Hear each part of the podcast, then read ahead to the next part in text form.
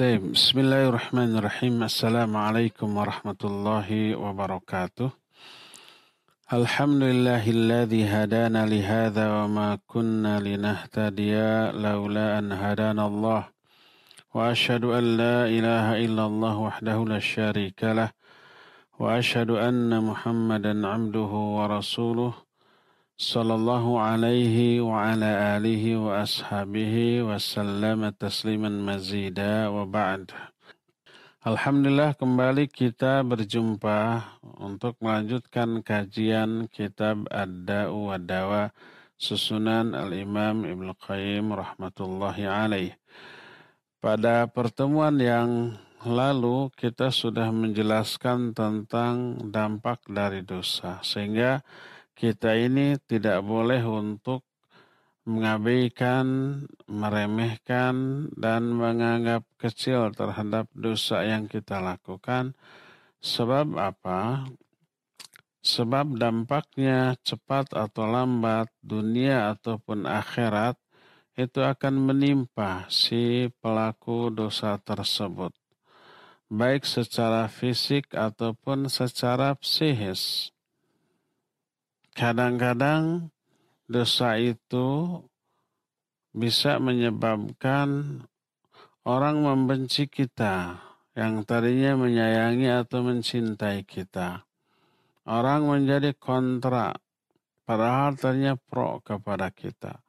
Orang menjadi men, menentang, padahal tadinya mendukung.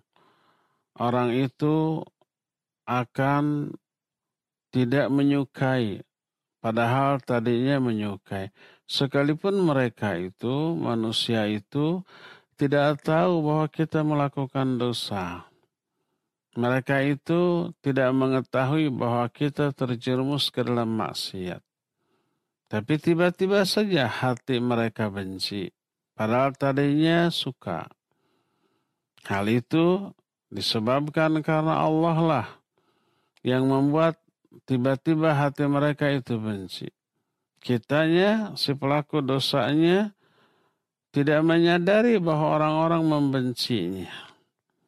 Allah lah yang melaknat, membenci orang itu yang menyebabkan orang-orang lain pun ikut melaknat dan membencinya. Dan itu salah satu di antara efek dari dosa yang dilakukan oleh seorang hamba.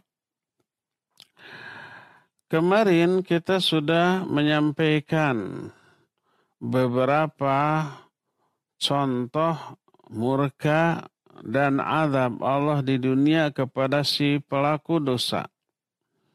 Sebagaimana perkataan Imam Ahmad rahimahullahu taala yang mendengar berita dari salah satu gurunya Al-Walid Kata Al-Walid Sami'tu Al-Auza'i yaqul. Aku mendengar Imam Al-Auza'i berkata Sami'tu Bilal bin Sa'ad yaqul.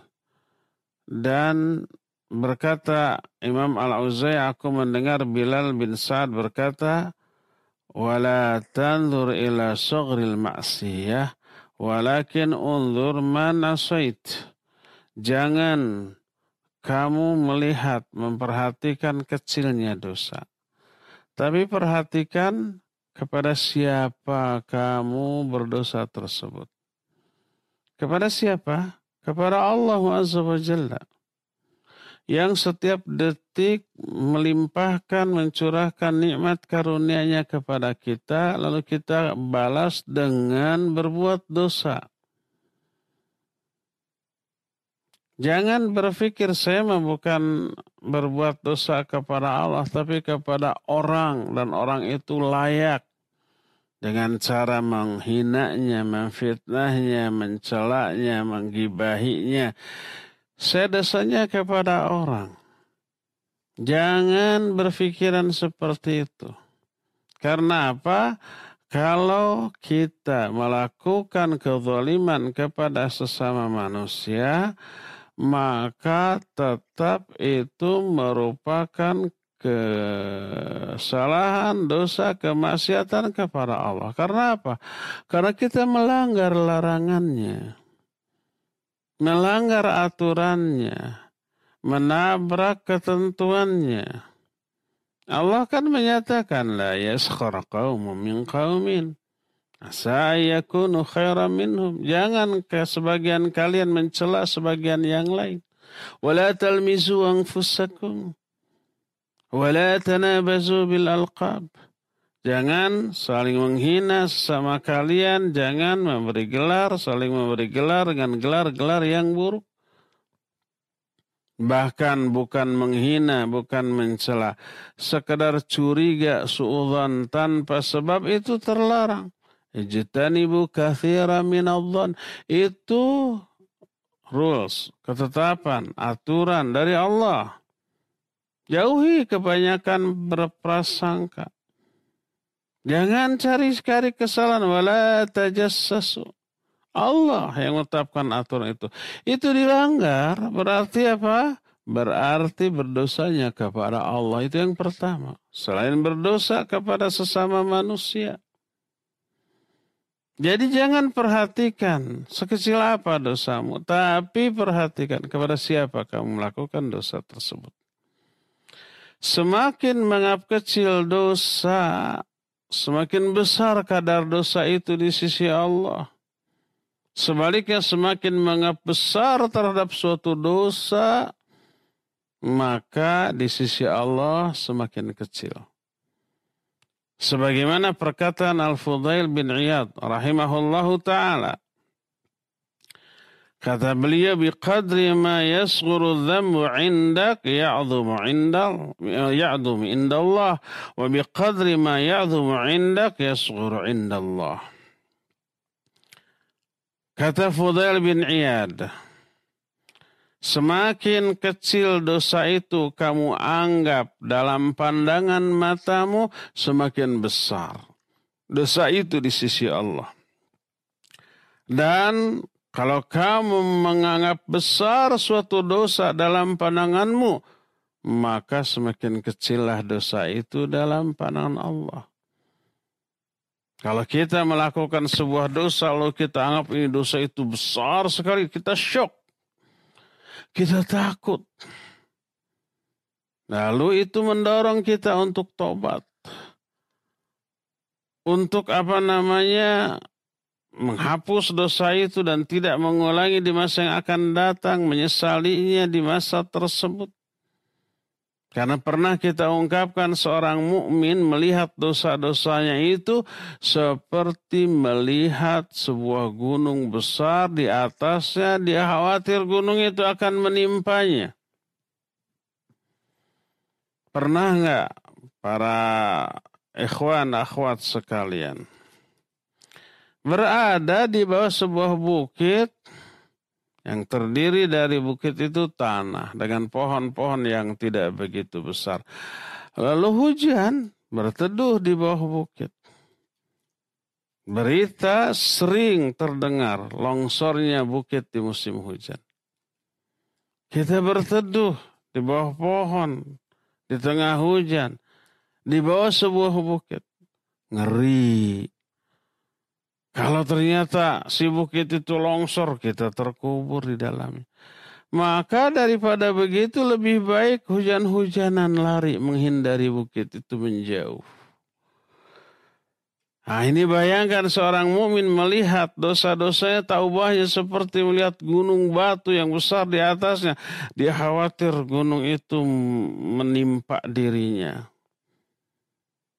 Adapun orang munafik dia melihat dosa-dosanya itu taubahnya seperti melihat seekor lalat yang berlalu di depan hidungnya. Dia tepis begitu.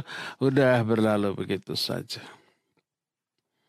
Perbedaan seorang mukmin dengan munafik adalah ketika melihat dosa. Orang mukmin melihat dosa-dosanya, taubahnya seperti melihat gunung yang akan menimpa dirinya. Adapun orang munafik melihat dosanya taubahnya seperti menepis seekor lalat yang berlalu di hadapan wajahnya. Jangan anggap kecil dosa. Bahkan ada satu riwayat oh, Auhallahu ila Musa ya Musa inna awwala man mata min khalqi iblis. Wadhalika annahu asani wa innama undu man asani min amwat. Allah mewahyukan kepada Nabi Musa Ya Musa, sesungguhnya makhluk yang pertama mati di kalangan ciptaanku adalah iblis. Loh kok bisa iblis kan belum mati sampai sekarang ya? Iblis itu durhaka dulu kepada Allah dan sekarang ini belum mati sampai hari kiamat dia diberikan kelanggengan. Hanya selama hidup di dunia. Hanya selama dunia ini masih ada karena ketika iblis itu dilaknat oleh Allah iblis menyatakan andirni ila. Beri saya tempo, beri saya waktu sampai hari kebangkitan nanti. Sampai kiamat jangan dimatikan. Oleh Allah dipenuhi. Innaka minal munzurin. Ya, kamu termasuk yang diberi tempo sampai hari kiamat. Tidak akan dimatikan. Tapi kenapa riwayat ini menyatakan bahwa makhluk yang pertama kali mati adalah iblis? Padahal dia belum mati sampai sekarang. Dan makhluk lain banyak yang mendahuluinya sudah mati. Manusia banyak yang mati, bahkan seluruh para nabi, para rasul, orang-orang soleh, itu sudah pada mati. Iblis belum. Tapi kenapa Allah menyatakan inna awwala man mata min khalqi iblis. Sesungguhnya yang pertama kali mati di kalangan makhlukku adalah iblis. Wa dhalika annahu asani wa innama a'udu min man asani min amwat. Yang demikian itu karena sungguhnya dia telah bermaksiat kepadaku Hanyalah aku menganggap semua orang yang maksiat kepadaku itu telah mati. Mati jiwanya. Laisa man mata fastaraha bimayitin. Wa innamal maitu maitul ahya. Orang yang mati bukanlah orang yang ketika mati itu dia berbahagia. Karena iman dan amal solehnya. Tapi orang yang mati adalah orang yang jiwanya sudah mati ketika raganya masih hidup. Jasadnya masih hidup. Dia berjalan ke sana kemari, makan, minum, beraktivitas. Jiwanya sudah mati walaupun raganya hidup. Jiwanya jauh dari Allah karena dosa dan maksiat. Itu mati. Berdasarkan hal itulah maka ya karena yang pertama kali maksiat kepada Allah iblis. Maka dia dianggap sudah mati. Walaupun raganya masih hidup. Dalam kitab Musnad Ahmad dan Kitab Al-Jami susunan Imam At-Tirmidzi ada hadis yang sampai sanadnya kepada Abu Hurairah radhiyallahu an. Dia berkata berkata Rasul alaihi salatu wasallam innal mu'mina idza adnaba dzamban nukita fi qalbihi fa in taba wa naja wastaghfara سقل قلبه. وإن زاد زادت. حتى تعلو قلبه. فذلك الران الذي ذكره الله في كتابه. كلا بل ران على قلوبهم ما كانوا يكسبون.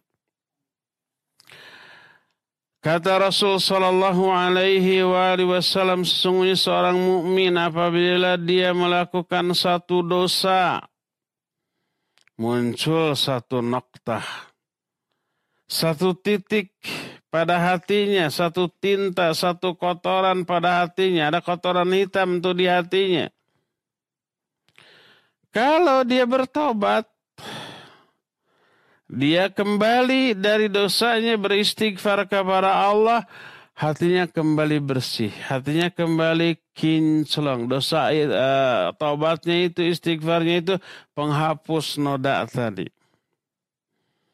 Tapi kalau tidak bertobat, dia tetap terkotori oleh noda hitam tadi.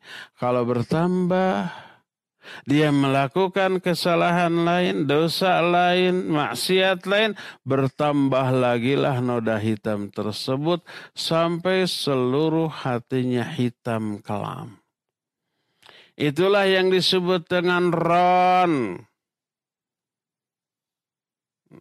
Nokta hitam dalam hati yang disebutkan oleh Allah dalam firman-Nya kallabal rana ala qulubihim tentang orang-orang kafir. Kalla. Sekali-kali tidak kata Allah. Bal rana ala qulubihim. Akan tapi ada noda hitam dalam hati-hati mereka. Karena apa? Maka nuyaksibun. Karena dosa-dosa yang mereka lakukan. Karena kesalahan atau maksiat yang mereka lakukan. Berkata Imam At-Tirmidzi yang meriwayatkan hadis ini hadisun hasanun sahihun. Hadis ini adalah hadis yang hasan sahih. Berkata Hudzaifah radhiyallahu an, "Idza adnaba al-'abdu nukita fi qalbihi nuktatun sauda hatta yasira qalbu kasyatir rubada." Kata Hudzaifah, Apabila seorang hamba berdosa, maka ada titik hitam di dalam hatinya. Itu bayangkan seluruh penyakit, yang namanya penyakit itu nggak perlu gede, nggak perlu banyak, cukup sedikit. Itu bisa merusak semuanya. Bakteri-bakteri, virus-virus yang bisa membunuh manusia minimal membuat manusia itu lemah sakit. Bisa menyebabkan seluruh bagian tubuhnya mengalami gejala yang tidak mengenakan. Itu virusnya kecil, nggak kelihatan. Bakterinya kecil, mikroba-mikroba itu kecil, saking kecilnya apa? Nggak kelihatan. Saking kecilnya tidak nampak secara kasat mata. Tapi kok bisa merusak? Bisa membunuh. Banyak orang mati karena virus. Banyak orang mengalami penderitaan karena bakteri yang sangat kecil, yang sangat kecil. Banyak yang kecil merusak yang besar. Yang sedikit merusak yang banyak. Peribahasa dalam bahasa kita menyatakan apa? Karena nila setitik, rusak susu sebelah enggak. Nilai satu titik.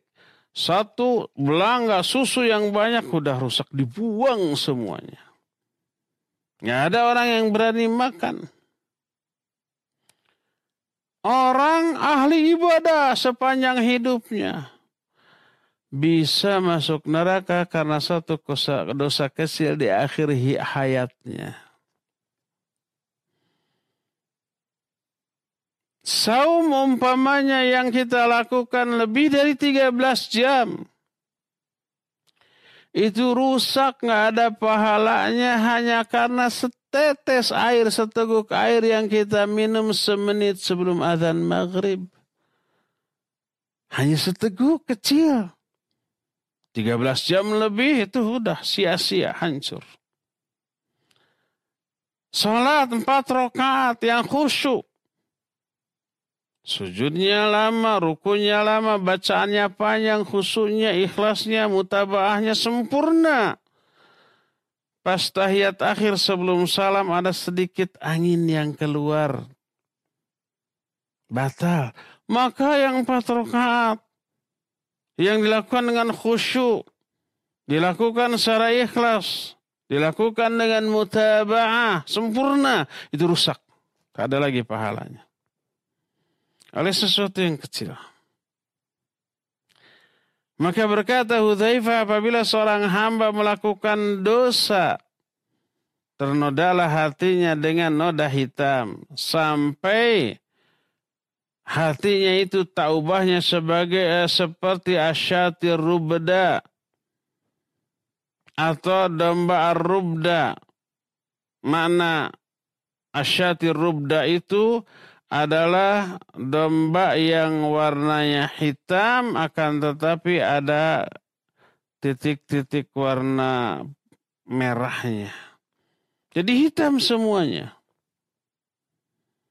Dalam salah satu hadis yang diterima dari Abdullah bin Mas'ud berkata Rasul sallallahu alaihi wasallam amma ba'd ya ma'syara Quraisy fa innakum ahlu hadzal amr ma lam ta'sullah fa idza asaitumuh ba'atha ilaikum man yalhaakum kama yulha hadzal qadib al-qadib fi yadihi hina idzin Thumma laha qadibahu faida huwa abyad yaslid.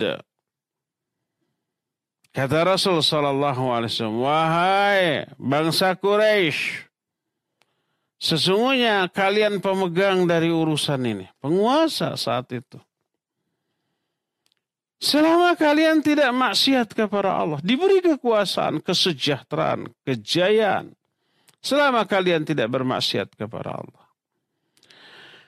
Maka apabila kalian bermaksiat kepadanya, Allah akan mengutus seseorang kepada kalian yang akan mengupas kalian sebagaimana dikupasnya qadib ini. Di tangannya saat itu ada qadib. Qadib itu sebatang kayu pohon gitu ya. Lalu Nabi SAW mengupas yang namanya dahan kayu itu kan ada kulitnya ya. Dikupas tuh kulitnya. Maka ternyata di dalamnya ada warna putih. Si batangnya itu putih warna setelah dikupas. Nah, itu dipreteli kekuasaan kalian, dicabut lagi oleh Allah Azza wa diambil semua yang telah Allah berikan kepada kalian sebagai rahmat tadinya, tadinya sebagai rahmat, kekuasaan, kejayaan, ke kekayaan semuanya karena ketaatan kalian. Begitu kalian berhenti dari taatnya kepada Allah. Berganti dengan kemaksiat, Allah ambil lagi semuanya itu. Berkata Wahab yang dituturkan oleh Imam Ahmad rahimahullahu taala. Inna Rabba qala fi ba'di ma yaqulu li Bani Israel. Sungguhnya Allah pernah berkata kepada kalangan Bani Israel.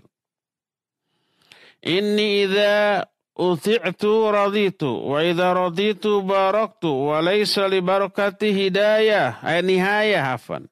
Wa idza usitu ghadibtu wa idza ghadibtu la'antu wa la'nati tablughu sab'a minal walad. Kata Allah kepada kalangan Bani Israel, sesungguhnya apabila aku ditaati, aku akan ridho. Dan kalau aku ridho, aku akan memberikan barokah dan barokahku itu tidak ada akhirnya. Tidak ada ujungnya. Tapi apabila aku didurhakai, aku murka. Bila aku murka, aku akan melaknat. Dan laknatku itu bisa mencapai tujuh turunan.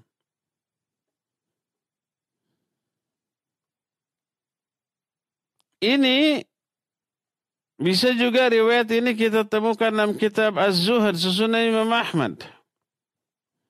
Berkata Waqi dia mendengar cerita atau ucapan ini dari Zakaria. Zakaria dari Amir. Dia berkata, katabat Aisyah tu ila Muawiyah. Bahwa suatu saat Aisyah melihat, menulis surat kepada Muawiyah. Muawiyah bin Abi Sufyan radhiyallahu anhu. Orang yang satu menjadi khalifah. Dinasihati itu oleh Aisyah melalui surat. Apa isi surat itu? Aisyah menulis amma ba'd fa inal 'abda idza amila bi ma'siyatillah ada hamiduhu minan nasi zaman. Ini yang saya ungkapkan tadi. Salah satu di antara efek dosa dan maksiat, orang yang tadinya mencintai berubah akan menjadi membenci, orang yang memuji berubah akan menjadi mencela. Kata Aisyah sesungguhnya seorang hamba apabila dia melakukan kemaksiatan kepada Allah maka orang-orang yang tadinya memujinya berubah akan menjadi orang yang mencelaknya. Ingat kalau ada orang mencela membenci kita introspeksi tobatlah.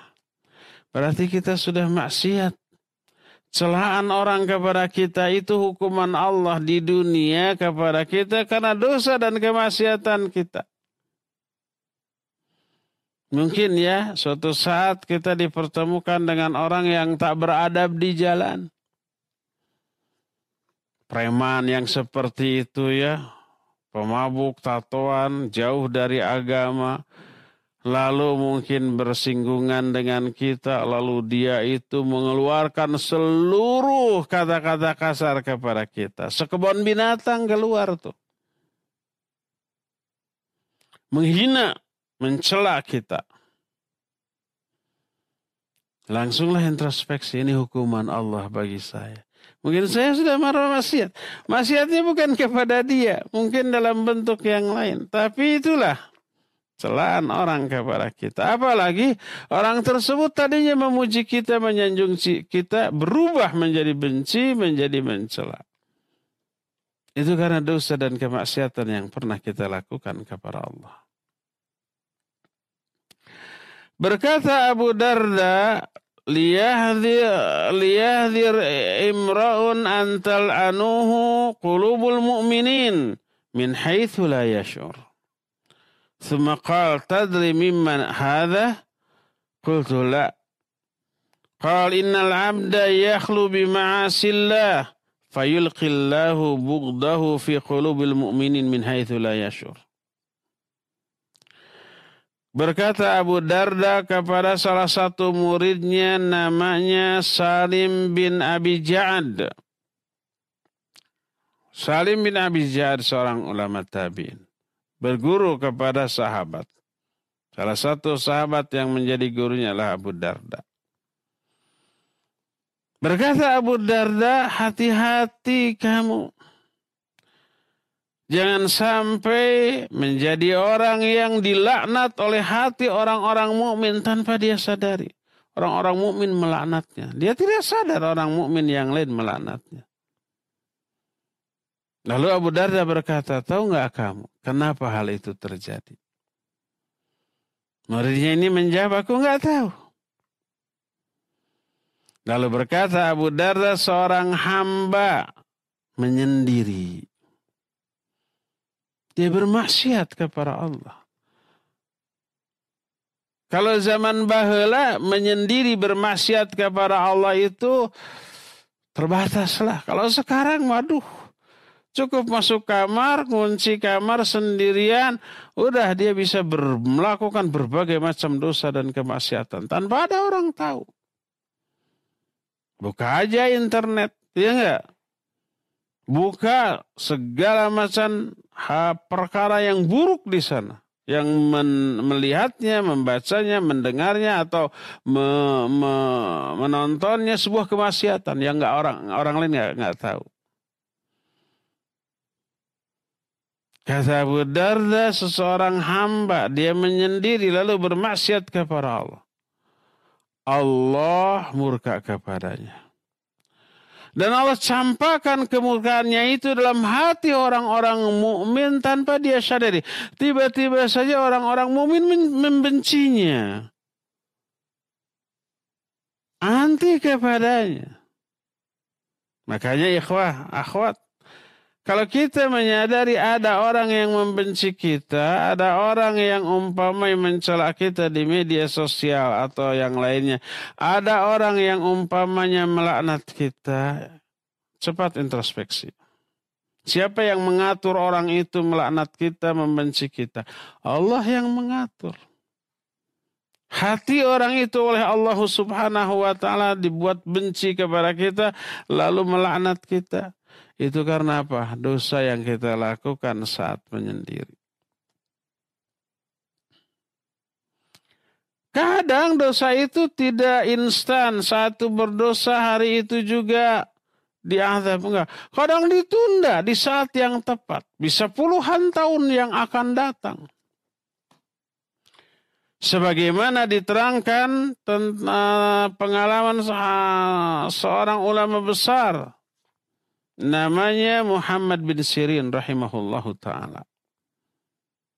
Dalam kitab Az-Zuhd disebutkan annahu lamma raqibahu dain. Ketika dia itu banyak berhutang, wah dia sedih. Padahal tadinya dia itu apa? Orang kaya raya. Pengusaha madu.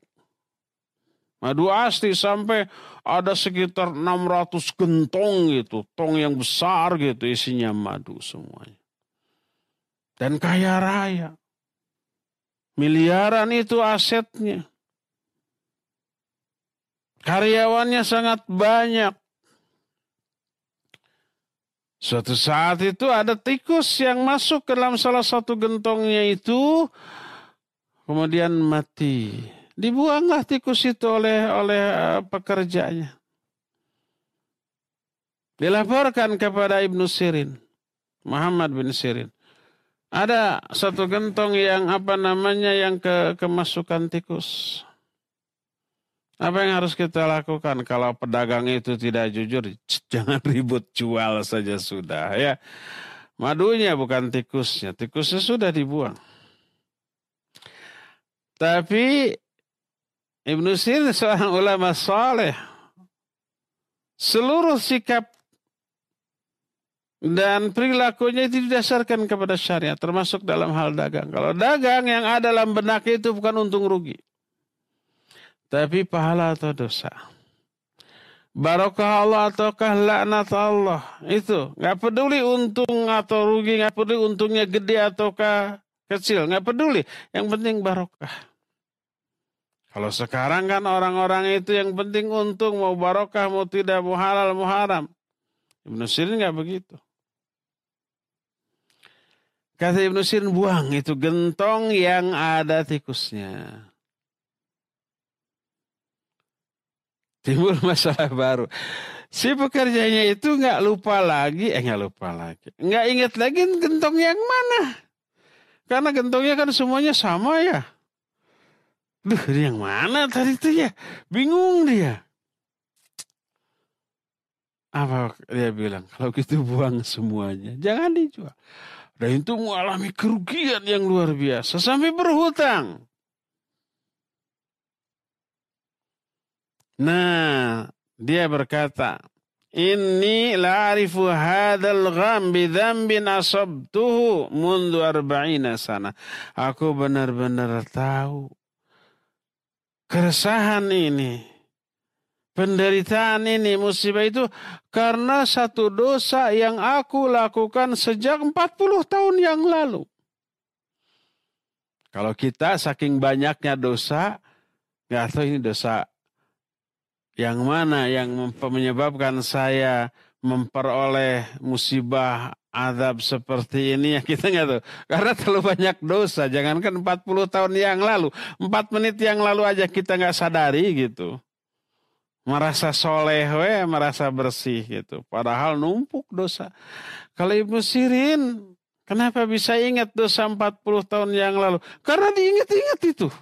Duh, saya sudah melakukan dosa. Duh, saya sudah melakukan dosa. Pasti Allah akan mengadab nih. Menunggu adab itu tur. Setelah 40 tahun kemudian baru. Dia mengalami itu. Oh, ini adab atas dosa 40 tahun yang lalu. Dan dosa yang dilakukan oleh Imam Ibnu Sirin itu menurut kita nggak seberapa. Mungkin terhapus oleh ibadah yang dilakukan Ibnu Sirin pastilah ahli tahajud. Kalau malam hari. Siangnya sering saum, baca Al-Qur'annya, aduh tiap hari bibirnya itu nggak pernah kering dari bacaan Al-Quran, dari zikir, infak sodakohnya, tidak pernah berhenti seumur hidupnya. Orang kaya dia. Sudahlah dosa itu terhapus. Eh ternyata apa? Ternyata enggak. Diadab oleh Allah. Begitulah kalau Allah menyayangi seorang mukmin. Allah tidak akan membiarkan seorang mukmin pergi menghadap Allah dengan membawa dosa sebelum dosa itu dihapus. Maka ditanya dosa apa yang pernah aku kamu lakukan? Mesir menjawab, dulu aku pernah marah kepada seseorang. Lalu saking marahnya aku menyebutnya ya fakir. Menyebut, wahai si fakir, si miskin. Ingat, bahwa kalau kita mencela seseorang karena keadaan atau keburukan atau dosa yang orang itu lakukan, Allah akan menjerumuskan orang tersebut, si pencela tersebut ke dalam keadaan yang sama dengan orang yang dia celak. Terbukti Ibnu Sirin ya fakir, ya miskin. Akhirnya dia terjerumus dalam kefakiran dan kemiskinan. Sampai banyak hutang dia.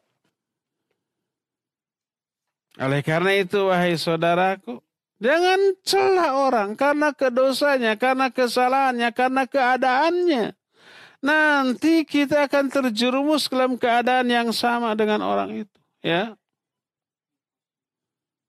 kalau umpama kita mendengar ada orang di, di media melakukan dosa yang luar biasa besar menurut kita. Dan memang menurut saya besar umpamanya. Judi ke zina ke kan ada tersebar tuh. Berita tentang prostitusi dengan tarif yang wah seharga mobil. Minimal seharga bannya ya. Kita apa? Mencelir. Aduh khawatir nanti terjerumus ke dalam hal yang sama. Tapi katakan Alhamdulillahilladzi afani mimma btalaka bih.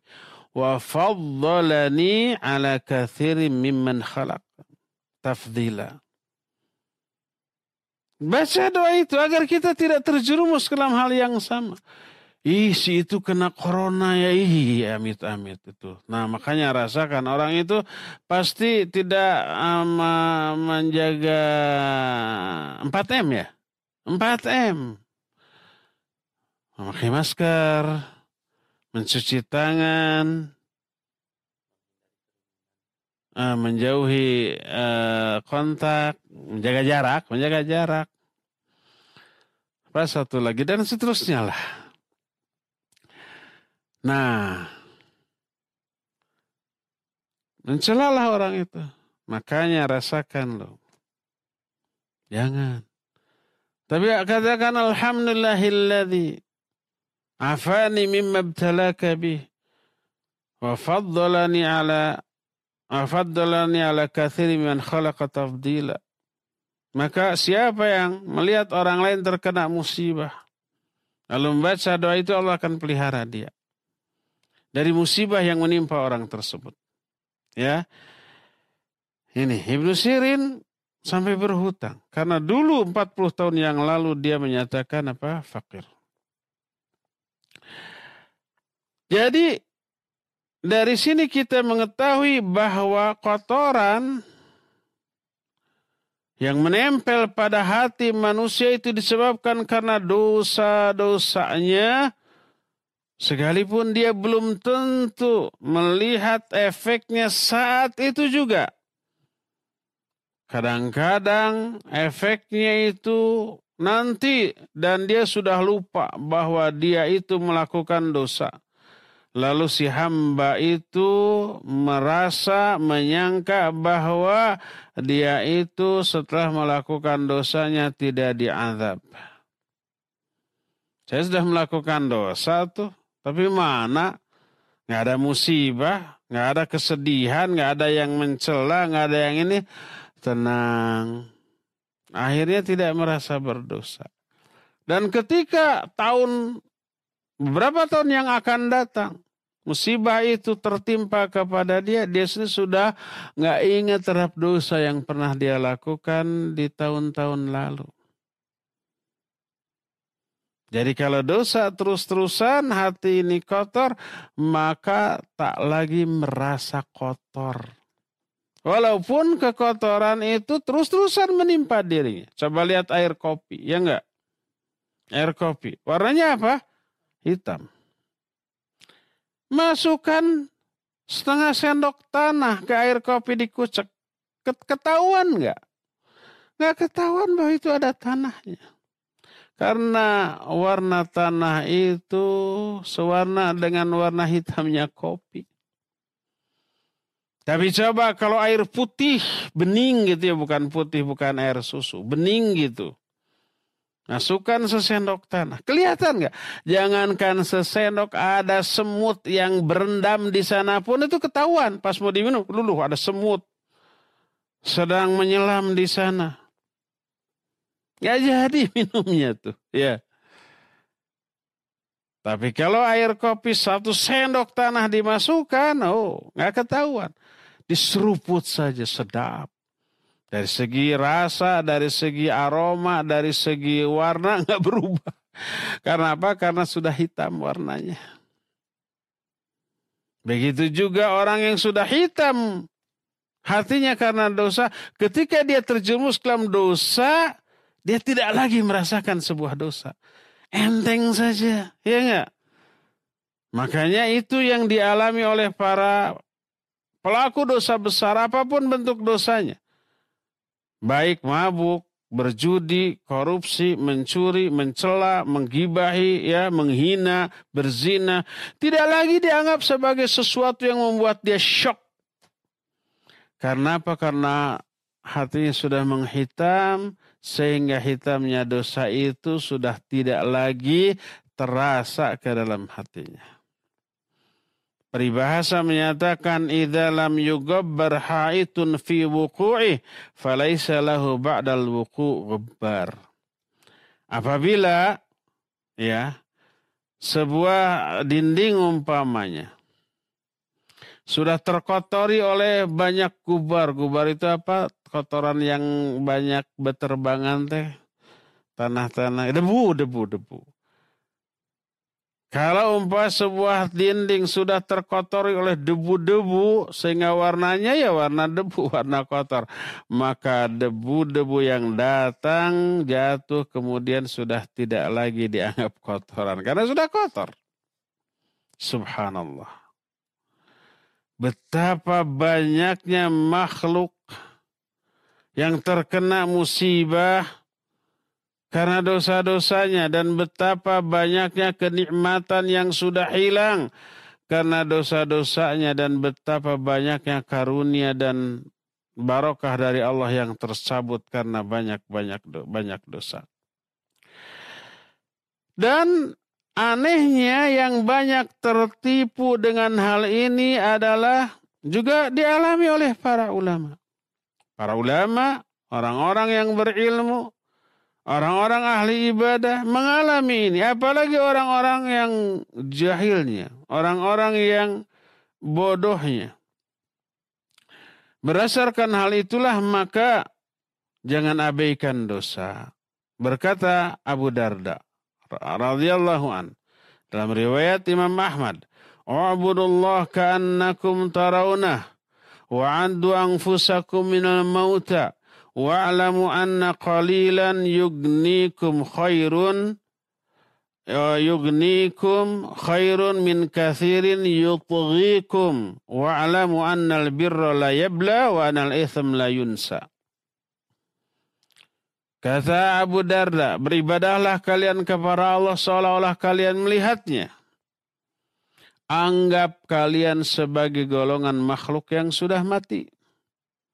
Dan ketahuilah bahwa sedikit tapi memberi manfaat kepada kamu jauh lebih baik daripada banyak tapi menyesatkan kamu. Apa pun yang sedikit ataupun yang banyak tersebut. Harta sedikit tapi manfaat. Jauh lebih banyak tapi melimpah dibanding melimpah tapi menyesatkan Dengan melimpahnya harta kan orang menjadi tak terkendali ya. Demikian juga kawan-kawan lebih baik sedikit tapi manfaat kepada kita daripada banyak tapi menyesatkan kita. Dan ketahuilah bahwa sesungguhnya kebaikan itu tidak akan usang, kebaikan itu tidak akan hilang. Sebagaimana dosa pun tak akan pernah terlupakan. Dosa yang tidak ditobati akan abadi. Dan akan ada balasannya. Para ulama melihat kepada seorang bayi yang masih kecil. Kalau bayi kecil, nggak ada bayi yang sudah besar. Dia memperhatikan keindahan, kebagusan dari si bayi itu. Semuanya itu ya kulitnya masih enak, lembut gitu ya. Tingkahnya masih lucu, gemes gitu ya. Fata'ammala mahasinahu. Terus fautya bimanami. Lalu malam harinya orang ini bermimpi. Dan dalam mimpinya ada orang yang menyatakan la tajidanna ghibbaha ba'da arba'ina sana. Kamu nanti bakal bisa melihat apa? Melihat keburukan dari bayi ini setelah 40 40 tahun yang akan datang. Berubah. Setelah 40 tahun kulit yang tadinya kenceng lembut gitu menjadi keriput. Tadinya bersih putih menjadi hitam Demikian juga yang lain-lainnya. Ini menunjukkan apa? Menunjukkan bahwa keindahan fisik itu akan rusak. Segala sesuatu yang ada di dunia akan musnah. Kecuali dua hal tadi, kebaikan dan keburukan. Selama tidak ada yang menghapusnya, kebaikan ini tidak akan pernah musnah dan dosa tak akan pernah terlupakan. Berkata Sulaiman At-Taimi inna rajul la yusibu dzamba fi sirri fa yusbihu alaihi madallatuhu. Seseorang terjerumus ke dalam dosa ketika dia menyendiri. Dosanya rahasia, orang nggak akan nggak tahu. Esok harinya dia ternyata dihina oleh banyak orang. Orang yang menghinanya nggak tahu bahwa orang itu apa? Orang itu berdosa tadi malam. Nggak tahu, tapi entah apa, tiba-tiba saja ingin menghina, ingin mencela. Karena ada alasan dari aspek lain. Ingat, celaan orang, hinaan orang karena dosa yang kita lakukan secara diam-diam. Berkata Yahya bin Mu'ad ar-Razi, Ajibtu min diaklin yaqulu fi du'aih, Allahumma la tushammit bil a'da. Thumma huwa yushammit binafsihi kulla aduwin lahu. Qila wa kaifa dhalik? Qal ya'sillaha wa yushammit bihi fil qiyamati kulla adu. Kata Yahya bin Mu'ad, aku heran kepada orang yang berakal Orang itu berakal. Lalu berdoa di dalam doanya. Allahumma la abi al ada. Ya Allah jangan biarkan musuh-musuhku mengalahkan aku, menguasai aku. Doa itu baik apa benar? Baik dan benar. Allahumma la tusyamit al ada. Ya Allah jangan biarkan musuh-musuhku mengalahkan aku, menguasai aku, mengeroyok aku. Tapi ternyata dia menyebabkan seluruh musuhnya mengeroyok dia pada hari kiamat nanti. Murid-muridnya bertanya bagaimana itu terjadi. Maka dijawab orang itu bermaksiat kepada Allah maka seluruh musuhnya menuntut kepada dia. Maksiatnya kepada Allah itu gimana? Dengan cara berbuat dolim kepada orang lain. Menggibahinya, mencelaknya, suudon gitu ya, dan seterusnya, dan seterusnya. Dia tidak ingin didolimi oleh orang lain, tapi dia berbuat dolim kepada orang lain. Apa akibatnya? Dia tidak dikeroyok oleh musuh-musuhnya di dunia. Tapi di akhirat semua yang dia benci, yang pernah dia hina datang nuntut. Meminta pahala dia, memberikan dosa mereka kepada dia dan seterusnya. Berkata Dhunnun, man khana Allah fi sir, hatakallahu satrahu fil alani. Siapa orang yang berkhianat kepada Allah ketika menyendiri. Dia berkhianat kepada Allah uh, secara diam-diam. Maknanya orang lain nggak tahu. Kalau di hadapan orang lain dia alim, dia soleh, dia baik. Nggak berani berbuat dosa. Tapi ketika menyendiri dia berani berbuat dosa kepada Allah maka Allah sobek sater dia secara terang-terangan atau di hadapan orang banyak. Mananya dia akan Allah hinakan di hadapan orang banyak. Ya, Inilah beberapa bentuk dosa atau azab yang Allah timpakan kepada para pelaku maksiat. Salah satunya adalah bahwa dosa itu menyebabkan orang membenci kita dan hasad atau tidak suka kepada kita, memiliki kesumat kepada kita ya. Tapi cukup sampai di sini saja dulu pagi ini. Insya Allah kita akan lanjut di hari Senin yang akan datang di jam yang sama. Kita masuki sekarang sesi tanya jawab. Wassalamualaikum ala nabiyina Muhammadin wa ala alihi wa. Mangga. Baik, syukran Ustadz atas pemaparan materi yang disampaikan. Semoga kita dapat memperoleh faedah dan manfaat semuanya. Dan ikhwati iman azani Allah wa para pendengar dan pemirsa di mana pun antum berada, baik itu yang menyimak melalui Radio Tarbiyah Sunnah 1476 AM atau melalui pesan uh, atau melalui Siaran kami di channel YouTube dan Facebook Tarbiyah Sunnah channel di mana pun antum berada. Silahkan bagi antum yang akan bertanya bisa melalui line telepon di nomor 0228686267 atau bisa melalui pesan singkat ke nomor 0811227146 baik uh, sudah ada yang bertanya Ustadz. Uh, dari Ikhwan di Bandung, tidak menyebutkan namanya. Assalamualaikum warahmatullahi wabarakatuh.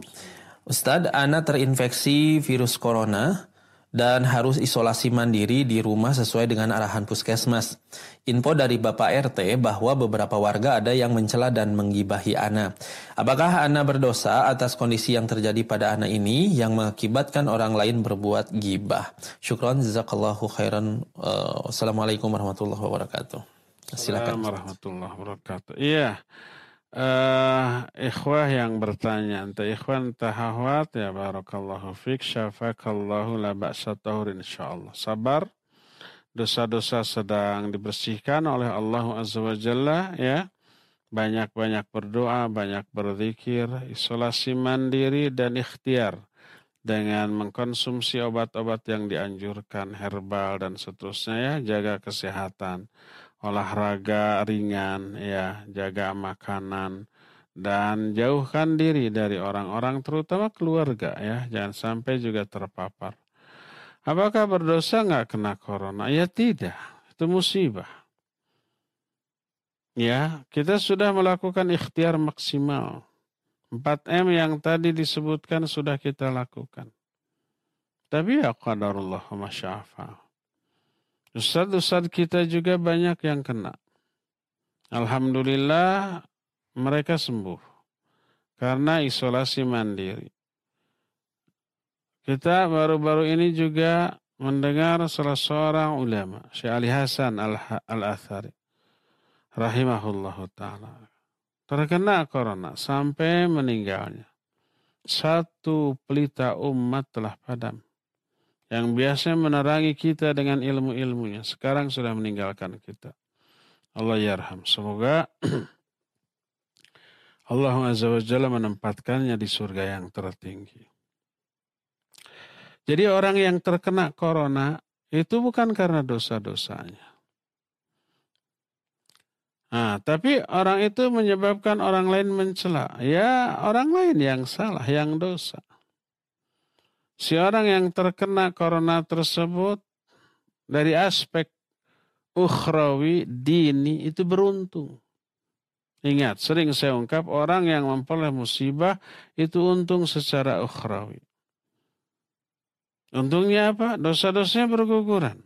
Sebanding dengan kadar penderitaan yang dialami. Dia dapat pahala kesabaran. Banyaknya pahala kesabaran berbanding lurus dengan kadar penderitaan. Al-ajur ala qadril masyakkah.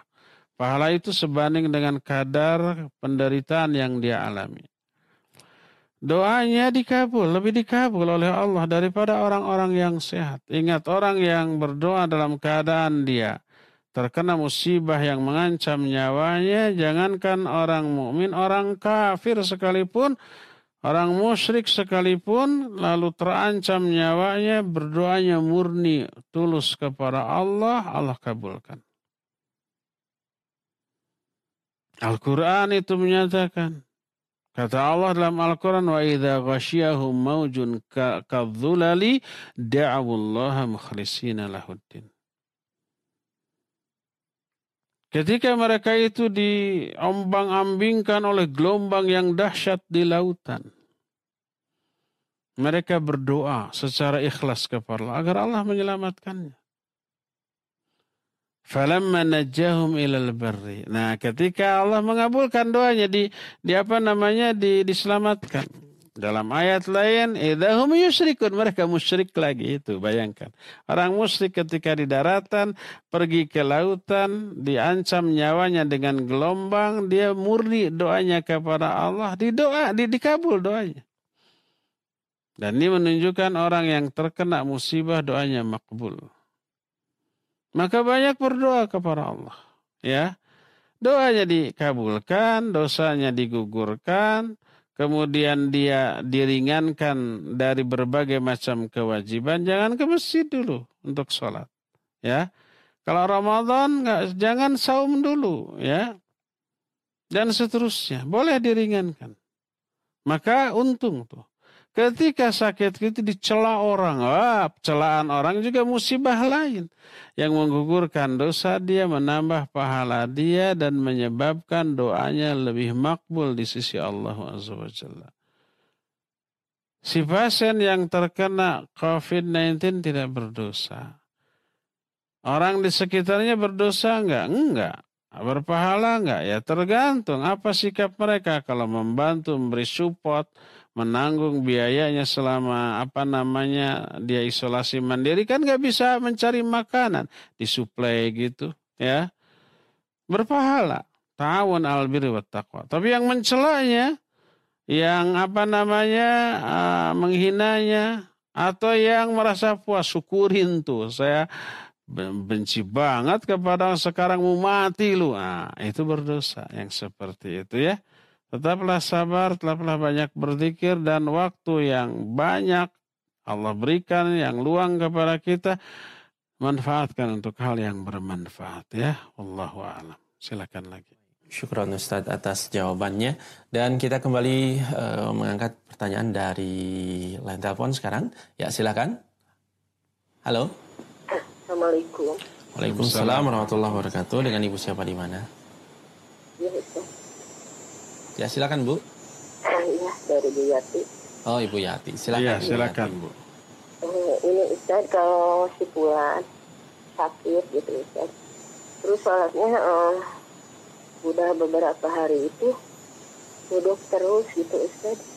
Duduk Sayang terus. juga itu mengurangi amal ibadahnya enggak Ustaz. Taib. Itu aja Ustaz. Iya. Syukron jazakumullah khairan. Assalamualaikum warahmatullahi wabarakatuh. Waalaikumsalam Ya, Ibu Yati di Melonge. Iya, Ibu Yati dari suaranya seperti sedang sakit ya. Syafakillah la ba'sa tahur insyaallah. Allahumma rabban nasi mutibal bas. Ishfi anta syafi la shifa ila shifauk shifaan la yugadir saqama. Asallallahu al-azim rabbal arshil azim ayasfiak.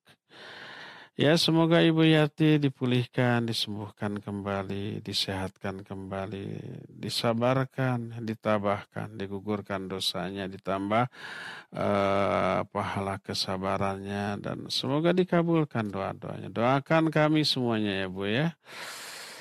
Ya pertanyaan dari Ibu Yati, kalau orang lagi sakit lalu nggak mampu sholat dalam keadaan berdiri, mampunya sambil duduk, apakah pahala sholatnya berkurang?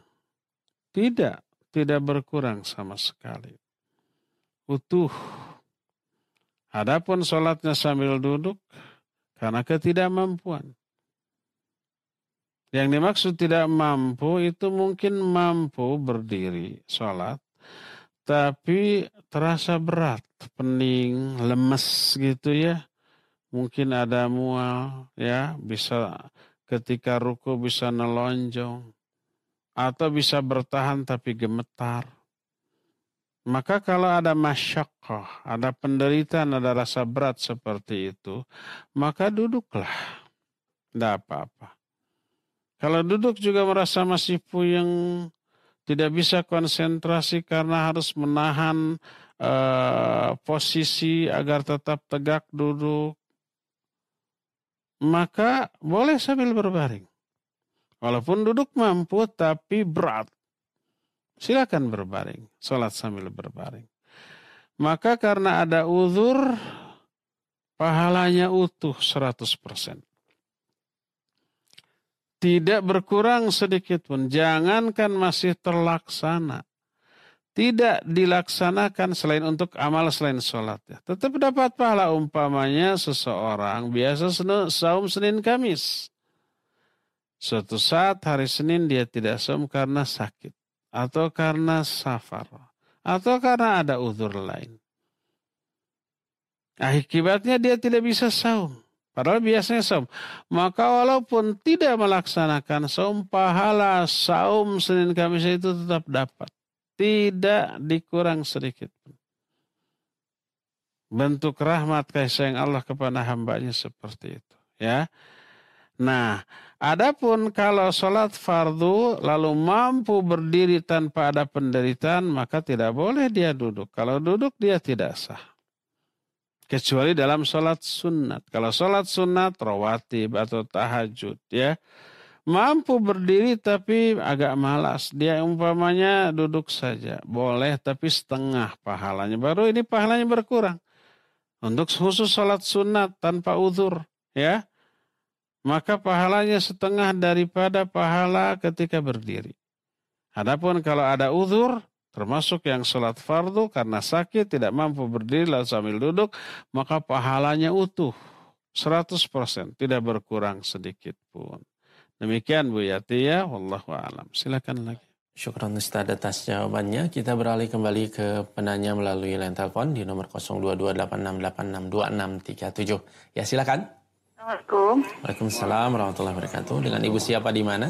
dengan Ita di Cimahi. Ibu Ina Silakan. Cimahi. Silakan ya. pertanyaannya Ibu Ina. Pak, untuk menghindari uh, dosa akibat pembagian hak waris yang salah, saya ingin menanyakan uh, kan rencananya rumah ayah saya ini akan dijual, lalu kami akan membeli uh, tanah dan membangun rumah di Jawa sana. Nah, cara yang benar itu apakah dibagi dulu baru dibelikan uh, tanah itu atau dibelikan tanah dulu baru sisanya dibagi sesuai warisnya begitu Pak. Ayahnya sudah meninggal. Sudah meninggal dua tahun lebih yang lalu. Baik. Ya, itu jadi e, pembagiannya dari satu ibu dan empat anak, dua laki-laki, dua perempuan itu presentasinya masing-masing berapa Pak? Baik. E, mohon doanya mudah-mudahan rumah kami ini segera laku Pak. Jazakallah khair. Assalamualaikum warahmatullahi wabarakatuh. Ya, wa jazakallahu khair. Waalaikumsalam warahmatullahi wabarakatuh. Ya, Ibu Ita di Cimahi. Seorang ayah meninggal, meninggalkan ahli waris istrinya dan empat anak, dua laki, dua perempuan. Maka ya, jadi warisan istrinya dapat seperdelapan dari harta peninggalan suami. Nah, sisanya yang tujuh per delapan jatuh ke anak-anaknya. Jadi karena dua laki-laki, dua perempuan, yang laki-laki itu memperoleh dua bagian dari anak perempuan. Jadi anggaplah ada enam bagian, dibagi enam tuh. Ya yang tujuh per delapan, yang seperdelapannya udah itu bagian ibu, bagian istri. Yang tujuh per delapannya dibagi enam.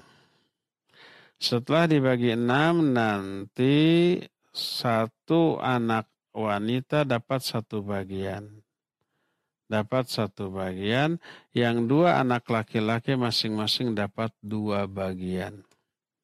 Kan tadinya enam bagian kan, laki-laki dua bagian, laki-laki dua bagian, empat bagian, yang dua bagian lagi satu-satu untuk istri. Ya, rumah itu begitu dijual uangnya bagi-bagi berdasarkan prosentase tadi seperdelapannya untuk istrinya, untuk ibunya tadi, yang tujuh perdelapannya dibagi enam, kemudian bagikan ke anak-anak perbandingan laki-laki dua kali lipat daripada bagian anak perempuan. Ya, jangan dulu dibelikan apa pun, bagikan ke hak masing-masing.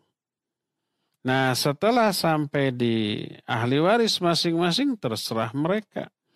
Kalau toh ada ide yuk kita belikan lagi rumah uh, patungan lalu di, dibelikan di Jawa kemudian ditinggali oleh ibunya ya terserah. Tapi harus dipastikan hak kepemilikan. Berarti masih milik bersama lagi. Dan itu saya pikir akan meribetkan lagi ya. Lebih baik begini, jual lalu uang itu dibagi-bagikan sesuai dengan persentase bagian ahli waris masing-masing. Nanti kalau si seperdelapan uh, hak si ibu cukup untuk beli satu rumah kecil, udah itu milik ibu.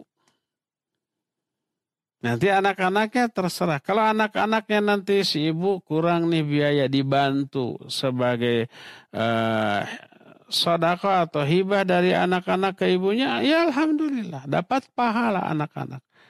Ibu berapa biayanya? Umpamanya 100 juta karena tanahnya sudah ada. Biaya pembangunan cukup 100 juta sebab, sebab paling cuma dua kamar. Bagian ibu dari harta warisan tadi 80 juta kurang umpamanya 20 juta. Patungan masing-masing 5 juta dari anak-anaknya. Kasih ke ibunya nih ibu sampai beres. Udah itu hak mutlak ibu. Anak-anaknya ya udah memiliki hak dari harta warisan ayahnya. Nanti kalau ibunya meninggal, nah baru harta peninggalan ibunya menjadi warisan lagi bagi anak-anaknya ya. Jadi jangan dulu dibelikan rumah di tempat lain padahal status uang penjualan itu masih milik bersama belum dibagi. Jangan, bagi dulu. Bagi dulu. Setelah dibagi sampai ke hak-hak masing-masing, ah saya mau kasih ke ibu, silakan kasih ke ibu. Dan itu ada pahala hibah ke ibu ya. Ya, demikian Bu Ita semoga Allah memudahkan urusan Bu Ita yang barusan semoga cepat laku ya. Barangkali di antara para pendengar ada yang minat mau membantu mau membeli rumah itu ya alhamdulillah silakan bisa hubungi kita di studio nanti disampaikan ke Ibu Ita ya. A'lam. Terakhir ya. Baik, syukur Ustaz atas jawabannya.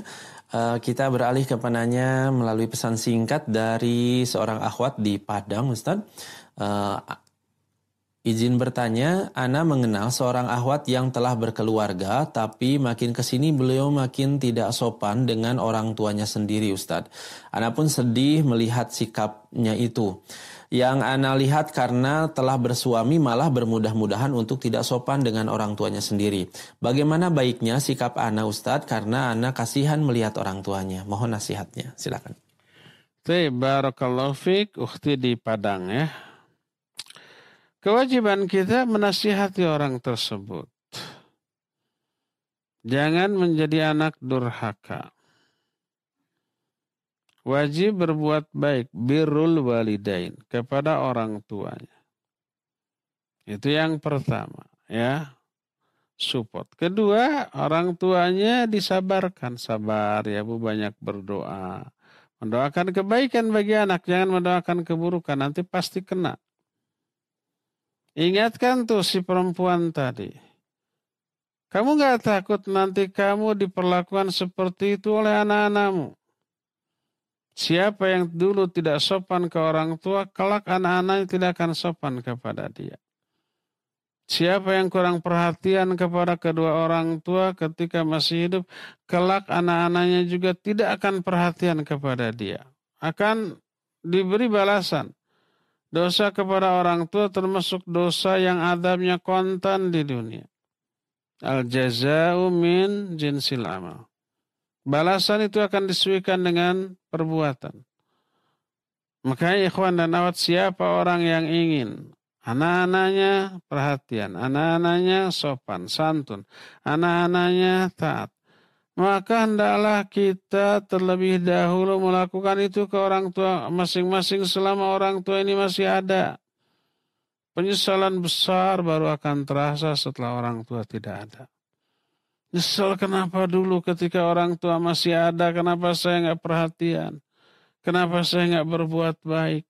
Kenapa saya ini, kenapa saya itu? Ya, setelah orang tua tidak ada, baru umpamanya menyadari aduh seandainya orang tua sekarang masih ada, saya akan berikan kekayaan atau uang saya semau dia.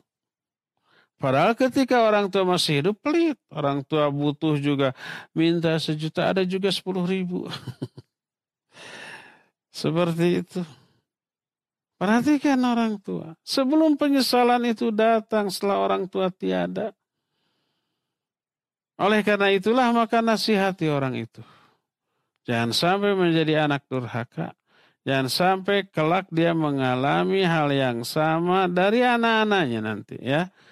Ya, demikian saja cukup sampai di sini. Insya Allah kita jumpa kembali melanjutkan kajian kitab yang sama. Subhanakallahu bihamdik. Asyhadu an la ilaha illa anta astaghfiruka wa atubu ilaik. Walhamdulillah rabbil alamin. Wassalamualaikum warahmatullahi wabarakatuh.